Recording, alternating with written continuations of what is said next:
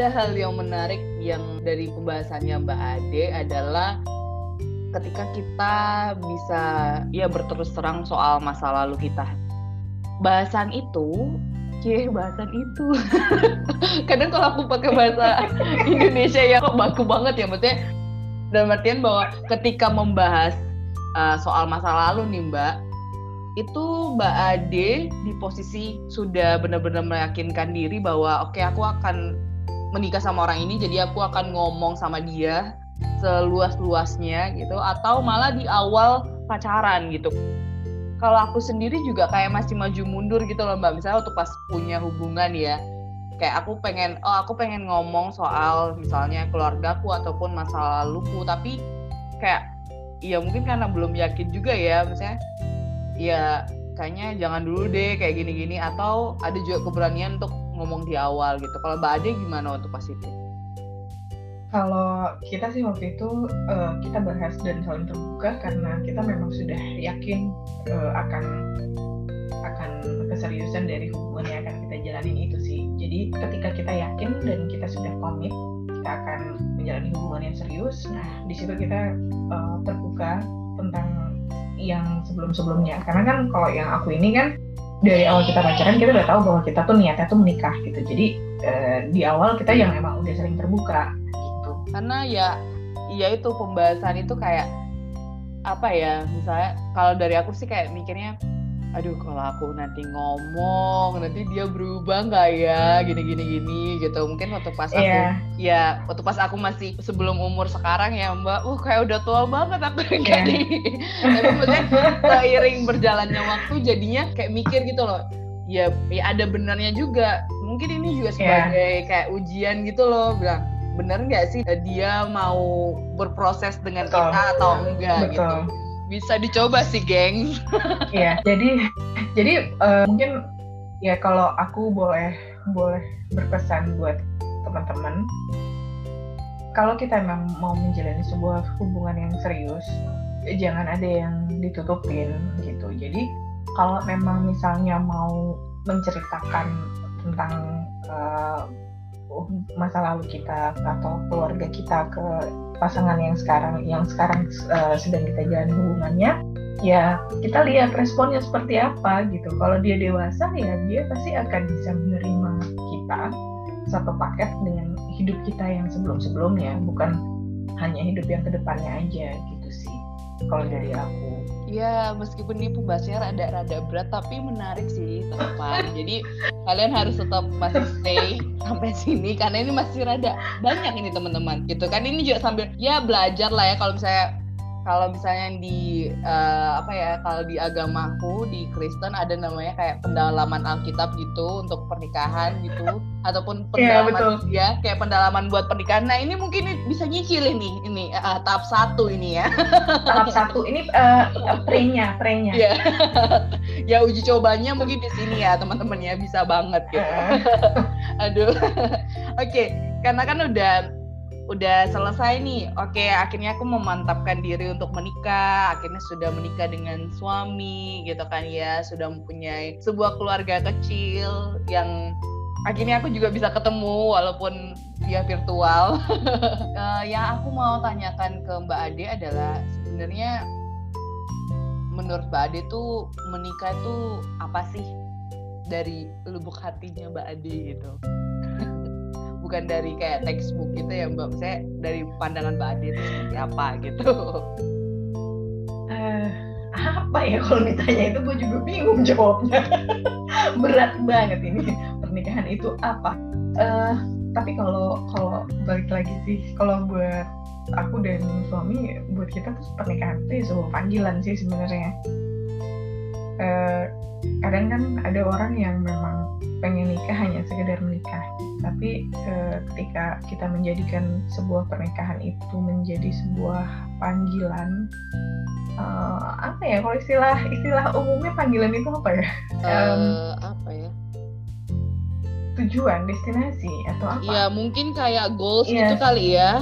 Iya, sesuatu yeah, yang jadi, sudah nyata gitu loh uh, uh, iya ketika ketika kita menjadikan uh, sebuah pernikahan itu adalah sebagai sebuah panggilan kita akan berusaha untuk menjalani pernikahan itu dengan sepenuh hati gitu sama kayak misalnya seseorang uh, merasa terpanggil menjadi seorang pendeta, dia pasti akan menjalani komitmen dia sebagai seorang pendeta itu dengan hmm. dengan sepenuh hatinya dia. Sama kayak misalnya untuk yang muslim uh, terpanggil untuk menggunakan hijab atau apa gitu, dia pasti akan berusaha untuk menjalani panggilannya untuk menggunakan hijab atau apa itu sesuai dengan panggilannya dengan sepenuh hati dan dan diharap ketika menjalani pernikahan itu sebagai sebuah panggilan itu pernikahannya bisa menjadi berkat untuk orang lain, untuk keluarga, untuk teman-teman sekitarnya gitu.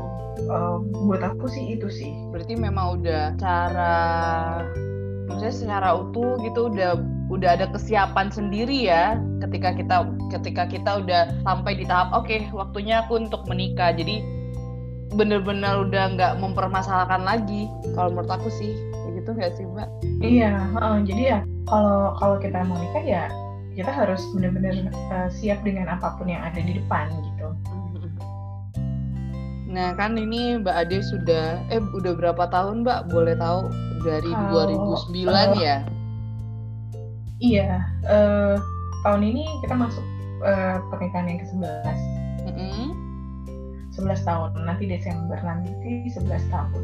11 tahun, oke. Okay. Berarti kan uh, selama kurang lebih 11 tahun sudah banyak dong uh, mengalami perubahan-perubahan yang awalnya tadi di pacaran mungkin uh, wah masih malu-malu, sekarang Wow, benar-benar kelihatan nih kayak gimana aslinya. Adakah sedikit-sedikit cerita gitu, Mbak Ade, yang bisa dibagikan? Iya, yeah, udah 11 tahun ya gue. eh baru deh, baru nyokap, nyokap gue soalnya udah udah 50 tahun lebih. um, kalau kalau perubahan ya karena kita dari awal uh, kita sudah berteman dan sudah tahu satu sama lain jadi istilahnya ketika kita uh, berpacaran pun kita sudah menunjukkan jati diri kita yang apa adanya gitu. Dan nggak yang harus setiap kali mau ketemu uh, apa nama istilahnya uh, dandan yang cantik apa segala macam gitu tuh enggak gitu. Karena um, kalau buat kita ya ketika lo pacaran ya lo tampilin diri lo uh, siapa lo apa adanya gitu. Jangan ada apanya tapi yang benar-benar apa apa adanya eh, nggak uh, ada yang dibuat-buat. Nah jadi ketika kita sudah terbiasa dengan hal yang seperti itu ketika kita masuk di pernikahan ya kita penyesuaiannya nggak yang nggak nggak terlalu banyak gitu. Karena kita memang sudah saling kenal satu sama lain. Kalau ditanya perubahannya apa saja ya ya pasti ada lah ya pasti ada perubahan. Mulai dari cara bersikap cara mengambil keputusan cara berbicara satu sama lain dan hmm, aku selalu berusaha ketika aku ingin pasanganku berubah aku nggak harus langsung minta kamu harus gini gini gini gini dong nggak.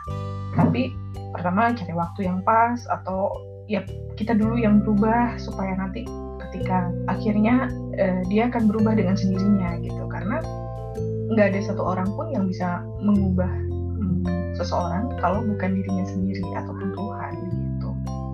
Jadi um, apa ya kalau misalnya perubahannya apa setelah pernikahan ya kita menjalani pernikahan lebih kayak temen ya lebih kayak temen lebih kayak partner dan ya semua itu benar-benar saling diomongin dan saling terbuka gitu. Berarti memang sejak awal ya kalau bisa aku tarik sedikit kesimpulannya adalah menjadi diri sendiri ya Mbak itu penting banget ya iya banget banget itu tuh penting banget sih menjadi diri sendiri Bo, kita kalau misalnya nggak jadi diri sendiri kan capek ya, Bo ya. Mm. Apalagi lo kalau misalnya lo harus sandiwara di depan orang yang akan ada di depan lo 24 jam, males banget ya, ya nggak sih? Jadi ya, ya aku sih dari awal apa ya, cuek aja mau pacaran ya mau sendawa mau kentut bodo amat gitu. Toh juga nanti nikah juga kayak gitu ya nggak sih? Ngapain lu jaim jaim ya gitu. maaf nih ya omongannya.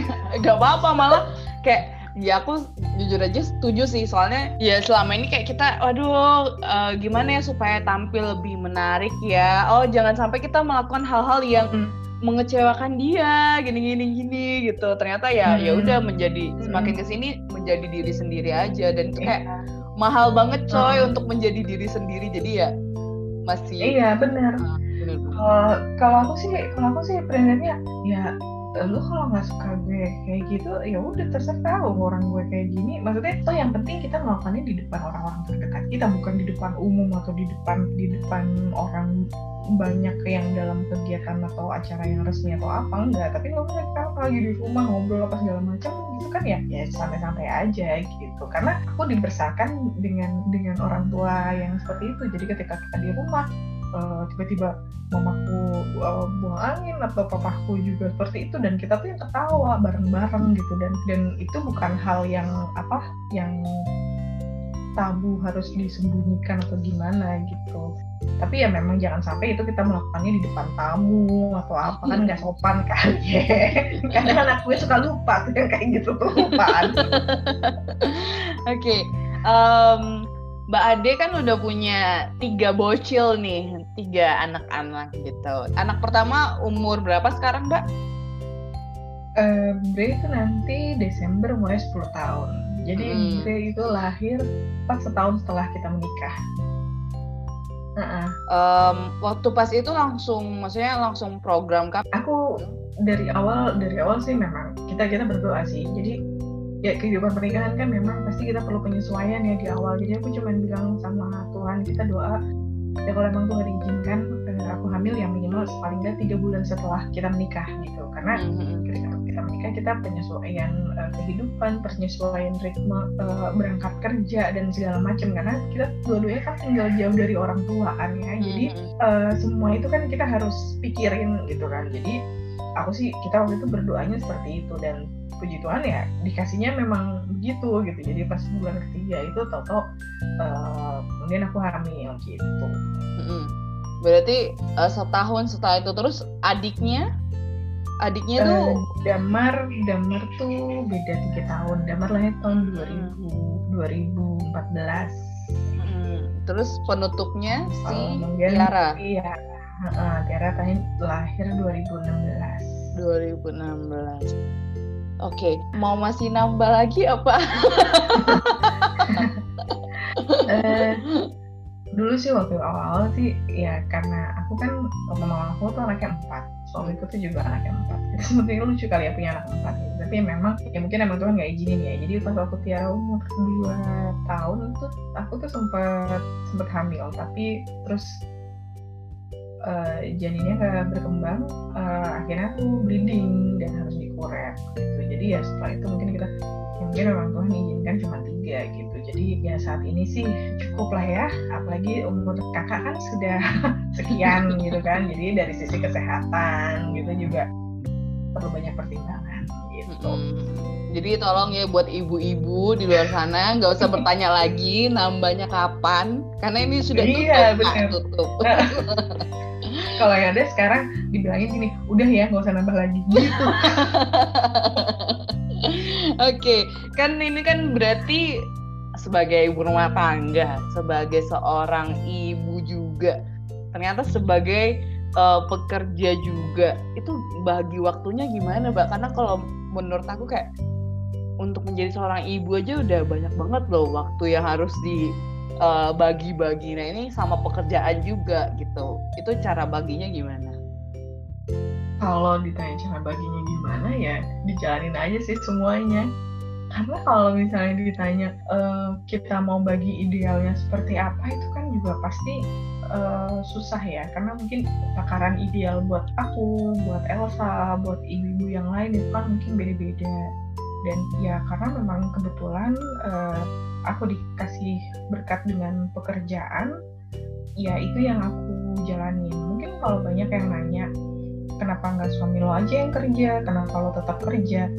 Tapi terus uh, aku sempat ada pikiran aduh kenapa sih gue kenapa nggak laki gue aja yang kerja? Kenapa harus gue? Gitu. Tapi terus mikir lagi kalau aku di rumah aja apakah aku akan menjadi ibu yang baik buat anak-anak? Gitu. Karena uh, apakah aku sudah siap secara mental untuk terus-terusan bekerja di rumah tanpa harus uh, mengerjakan pekerjaan yang selama ini sudah aku aku lakukan gitu karena itu kan juga bukan hal yang mudah ya penyesuaian dari seorang ibu bekerja kemudian menjadi ibu yang bekerja di rumah itu kan tentu adalah dua hal yang berbeda gitu. Karena ketika seorang ibu yang bekerja di rumah itu juga punya challenge yang besar begitu dan itu juga dia harus benar-benar bisa membagi waktu dan membagi quality time uh, baik buat anak-anaknya dan yang pasti buat dirinya sendiri gitu. Karena jangan sampai seorang ibu melupakan bahwa dia juga punya hak untuk menjadi seorang pribadi sebagai seorang perempuan yeah. sebagai seorang ibu gitu dan puji Tuhan ketika aku bekerja aku merasa bahwa ketika aku bekerja itu adalah me time-nya aku gitu. jadi ketika aku pulang ke rumah ya aku lepaskan baju aku sebagai seorang uh, pekerja aku menjadi seorang ibu pakai baju daster gitu nggak pakai baju kerja baju kerjanya baju daster nah kalau ditanya membagi waktunya gimana ya hmm, ketika di rumah ya diusahakan maksimal kan waktu dengan anak. Jadi uh, kami masih satu kamar masih berlima. Uh, sebenarnya ada satu kamar kosong sih di rumah. Itu ya memang kadang kita suka pakai jadi kamar tamu kadang suka ada saudara yang nginep. Tapi anak kami yang paling besar pun uh, sampai sekarang juga masih belum mau untuk pisah kamar. Dan waktu-waktu ketika kami mau tidur gitu ngobrol apa segala macam itu yang uh, buat aku adalah momen yang paling menyenangkan sih jadi kita kadang bisa setengah jam itu sebelum sebelum tidur habis kita doa bareng gitu setengah jam sebelum tidur kadang kita ngobrol sampai akhirnya udah jangan lama ngantuk udah bobo bobo besok mau kerja nih gitu sampai gitu sih jadi hmm, kalau ketika kita membagi waktu ya ketika kita ada di rumah ya kita sediakanlah waktu untuk mereka gitu. Sekedar main bersama jalan kaki bareng nemenin mereka main uh, atau kadang kalau misalnya emaknya masih tetap mau nonton handphone ya udah duduk aja sebelahnya. Ntar mama lagi lihat handphone dulu bentar ya gitu. Sambil nemenin mereka main yang penting sosok kita tuh ada di sebelahnya dia gitu Nah, cuman memang kendalanya ketika kita work from home akhir-akhir ini uh, itu kan suka rancu gitu kan. Jadi ya kita harus kasih pengertian juga. Ini mama sambil kerja, jadi mungkin mama nggak bisa banyak nemenin kamu main karena mama di rumah tapi mama tetap kerja. Kalau nggak nanti kerja mama nggak selesai. Ya ada mama nanti kerja sampai malam, mama kecapean gitu. Jadi uh, anak-anak itu ngerti sih sebenarnya kalau diajak ngomong biarpun kadang mamanya juga jadi monster sih termasuk gue gitu kan. Ketika uh, mereka belajar uh, tapi juga entah ke mana-mana itu juga tantangan buat para guru yang ngajarin online gitu kan juga pada para ibu-ibu yang nemenin anak-anak sekolah online. Jadi anak yang sekolah online dengan ibu yang juga work from home uh, tanduknya itu pasti akan keluar dengan sendirinya akhir-akhir ini. Jadi ya ya apa ya aku aku jadi sekarang ini agak cukup sering sih bilang maaf ya kalau mama tadi teriak sama kamu maaf ya kalau mama tadi marah. Karena mama juga ada kerjaan yang harus mama selesaikan. Mama minta maaf tapi mama sayang sama kamu. Nanti kalau mama udah ada waktu mama temenin gitu. Mm-hmm. ya gitu sih PR ya. Beneran sih kayak ya karena pandemi juga jadinya uh, tantangan yeah. jadi iya. seorang ibu dan pekerja juga jadi double juga ya yeah. malah lebih wah ekstra banget sih tapi tapi sebenarnya aku aku sih sebenarnya tidak mau menyalahkan sepenuhnya kepada pandemi tapi ya mungkin memang ini waktu untuk kita semua mencoba belajar sebuah banyak hal yang baru gitu. Jadi dulu dari dulu tuh kan aku selalu bermimpi ah gue pengen deh kerja di rumah gue pengen deh bisa berkarir tapi di rumah. Ketika gue dihadapin dengan hal yang seperti itu bawa kayak gue mendingan ya gue sekolah aja gue di kantor gitu. Karena gue juga punya cita-cita homeschooling gitu kan. Ternyata urat sabar gue belum sampai uh, ke situ untuk um, menjadi orang tua dengan anak yang homeschooling gitu. Belum cukup sabar gue. Terus untuk kayak memberikan pemahaman ke anak-anak bahwa uh, mama ini lagi kerja loh gini gini gini uh, kayak gitulah. Apakah susah untuk memberikan pemahaman itu kepada mereka? Atau malah mereka oh ya mamaku lagi kerja kok jadi aku nggak boleh ganggu gitu. Atau hmm. gimana kalau yang dua yang gede sih puji Tuhan mereka udah ngerti sih. Karena mereka hmm. juga punya tugas sendiri karena ada jadwal udah SD juga ya? Uh, udah SD uh, kadang yang emang harus suka dikasih pengertian itu yang kecil sih. Cuman hmm. memang untungnya ada pengasuhnya yang membantu. Jadi ketika aku sudah harus mulai uh, ada virtual meeting ada diskusi atau apa ya aku bilang kamu sama teteh dulu ya mama masih harus kerja. Kemudian ya udah dia berdia buat sama si uh, yang asuh gitu. Ya kadang tiba-tiba suka nongol kayak tadi kan uh, pas awal juga oh ya kalau mamanya udah mau nyalain laptop mau zoom gitu udah langsung deh nongol dia. Penasaran ya lebih tepatnya. Iya penasaran uh-uh. gila anak umur tiga tahun aja sekarang udah tahu zoom ya kan? Mau nggak mau ya harus virtual juga. ya ya oh. Nah ada yang menarik juga. Wah menarik semua sih sebenarnya. Uh, yang menarik adalah tadi kayak mbak uh, Ade bilang kayak misalnya kita doa bareng terus kayak ngobrol-ngobrol dulu sebelum tidur. Nah kan kalau buat aku itu kayak sebuah apa ya pelajaran yang akhirnya diterapin ke anak-anak gitu. Adakah hal-hal lain yang juga diterapin ke anak-anak untuk ya dalam artian ya buat bonding keluarga lah gitu selain ya, tadi. selain yang doa itu ya. Mm-hmm. um, kalau waktu untuk yang bonding keluarga kadang kadang kita suka ini sih. Sekarang beberapa kali itu jalan pagi gitu. Jadi itu apa ya? Ya jujur kita juga bukan yang berlebihan dari sisi ekonomi gitu. Jadi kita berusaha untuk mencari sarana rekreasi yang murah meriah mudah dijangkau gitu kan. Jadi oh satu lagi selain kita jalan pagi kadang ya suamiku uh, kadang suka ngajakin doa di atas rumah gitu. Jadi kita naik ke genteng. Literally beneran naik ke atas genteng oh, iya? gitu jadi uh, jadi uh, itu buat mereka itu juga sebuah pengalaman yang menyenangkan gitu. Yeah. Kan nanya kapan kita naik lagi ke atas genteng, kapan lagi kita doa di atas genteng gitu. Jadi uh, ya kadang dari hal-hal yang sederhana itu ternyata itu berkesan buat mereka gitu. Dan apa ya um, main apa bubble bubble apa sama yeah. sebetulnya itu juga kita juga bubble-nya bikin sendiri gitu kan. Jadi kadang uh, misalnya bapaknya beli tempat apa beli beli bubble di tempat lain terus botolnya masih ada terus kita isinya isi sendiri gitu. Jadi hal-hal yang kayak gitu karena kita mau ngajarin bahwa lo lo main lo nggak harus nggak harus uh, dengan biaya yang mahal gitu. Apalagi kalau kayak sekarang kita ke mall juga masih takut gitu dan kita juga nggak mau yang anak-anak tuh belajar ngandelin kalau mau seneng-seneng tuh jalan ya ke mall gitu.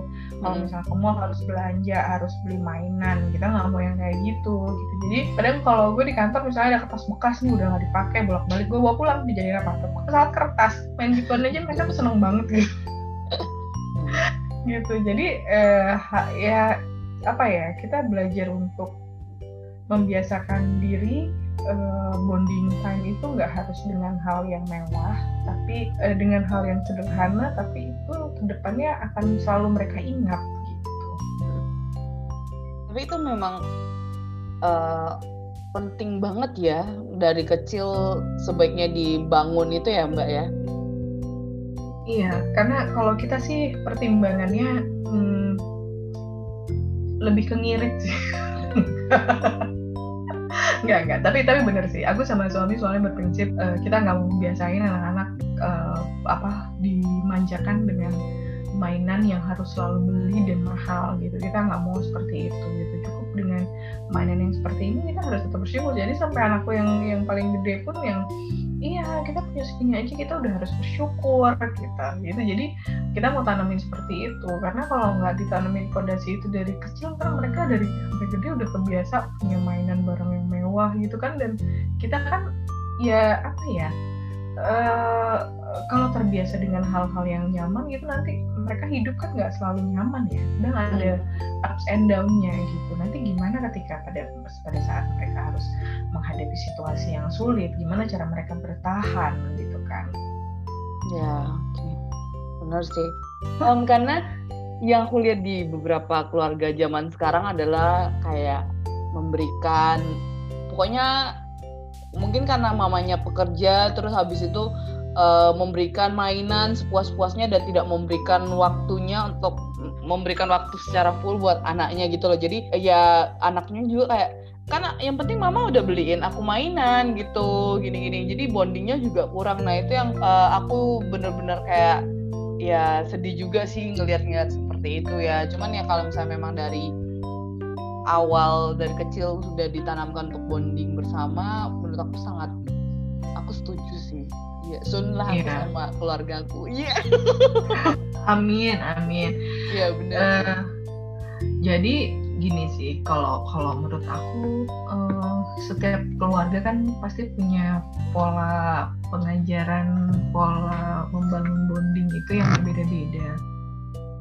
Uh, dan itu biasanya kan disesuaikan lagi dengan apa ya uh, dari sisi ekonominya mereka dari sisi latar belakang keluarganya mereka nah aku tidak menyalahkan ketika uh, para orang tua yang memberikan fasilitas mewah ke anaknya. Kalau mereka memang mampu ya nggak masalah karena ya masing-masing anak itu kan tanggung jawabnya orang tua gitu. Yang penting um, mereka yakin bahwa dengan cara model metode yang mereka gunakan itu anak-anak mereka juga akan bertumbuh tetap menjadi seorang anak-anak yang tetap bersyukur, tetap uh, sopan, tetap punya etika yang seperti itu sih. Jadi uh, aku aku sih nggak menyalahkan atau tidak tidak mau tidak mau menghakimi ya. Karena aku yakin juga uh, pola pola uh, family education yang saat ini aku jalani dengan suami itu juga masih jauh dari sempurna yeah. gitu. Karena karena nggak ada sekolah jadi orang tua gitu kan. Jadi uh, kita uh, kita tuh uh, belajar untuk berproses menjadi orang tua itu ya harus benar-benar mau mau belajar mau mengandalkan dan tanya sama Tuhan tanya sama pasangan ada ada kesepakatan antara satu sama lain gimana cara kita bersikap ke anak gitu. Jadi um, kalau misalnya orang tua yang merasa mampu dan membangun bonding dengan anak-anak dengan cara yang tadi seperti Mbak Elsa sampaikan ya silakan silakan aja dan itu sah sah aja gitu. Dan kita juga nggak berhak untuk apa ya kayak menghakimi kok lu kayak ngasih ya. anak lu yang kayak kayak gitu sih oh, gitu sih ya kalau aku sih karena ya kami mampunya seperti itu dan kami meyakini bahwa dengan cara yang seperti itu anak-anak kami juga sudah bisa menikmati masa kanak-kanaknya dengan sukacita ya itulah yang kami jalani gitu dan kayak hmm, ini kan kita kan sempat kendala tuh di apa device ya device hmm. untuk sekolah sekolah dari rumah gitu karena kalau misalnya uh, apa mereka dua-duanya kita punya cuma punya laptop satu, handphone satu gitu kan. Hmm. Ketika kalau kita pergi ya yang dua bisa nih, bisa satu pakai handphone, satu pakai laptop. Cuman karena kendala kemarin Tiara tiba-tiba sama sekolah kakaknya tuh ditawarin nggak apa-apa ikut aja dulu nggak harus bayar karena aku juga mikir, alah ini masih TK TK kecil masuk sekarang nggak bisa tatap muka apa serunya anak TK gitu kan? Eh kok yang dilalah ada keluarga eh, apa sahabat kita itu yang ngasih dua device untuk damar sama Tiara gitu. Dan hal-hal yang kayak gitu kan kita juga nggak pernah kira kita nggak pernah minta gitu. Tapi ternyata Tuhan sediakan gitu. Jadi jadi ya kadang uh, ketika kita kita cuma bilang ya kita kalau kalau perlu mau pengen sesuatu ya kita doakan aja gitu. Jadi itu sih yang kita ajarin ke anak-anak gitu. Jadi nggak harus dengan mainan atau barang yang mewah. Mereka tuh wah ini mainannya bagus. Oh tapi mahal ya mah ya didoain aja. Kalau emang Tuhan izinin punya ya nanti bisa dibeliin. Aku cuma bilang gitu karena kita juga nggak mau apa ya membatasi mereka punya mimpi gitu kan. Jadi kalau misalnya mereka pengen punya mainan mahal apa segala macam ya itu sah-sah aja gitu. Tapi ya kalau kita bilang mama belum bisa beli ini tuh sekarang cukup dengan ada yang di rumah dulu aja ya gitu. Kita kasih tahu seperti itu gitu. Gitu sih. Berarti ya kembali lagi ke dari keluarganya sendiri ya ya keluarga beda-beda lagi ya mau treatmentnya ya, seperti betul. apa gitu kan oh, ya. Oh. Thank you.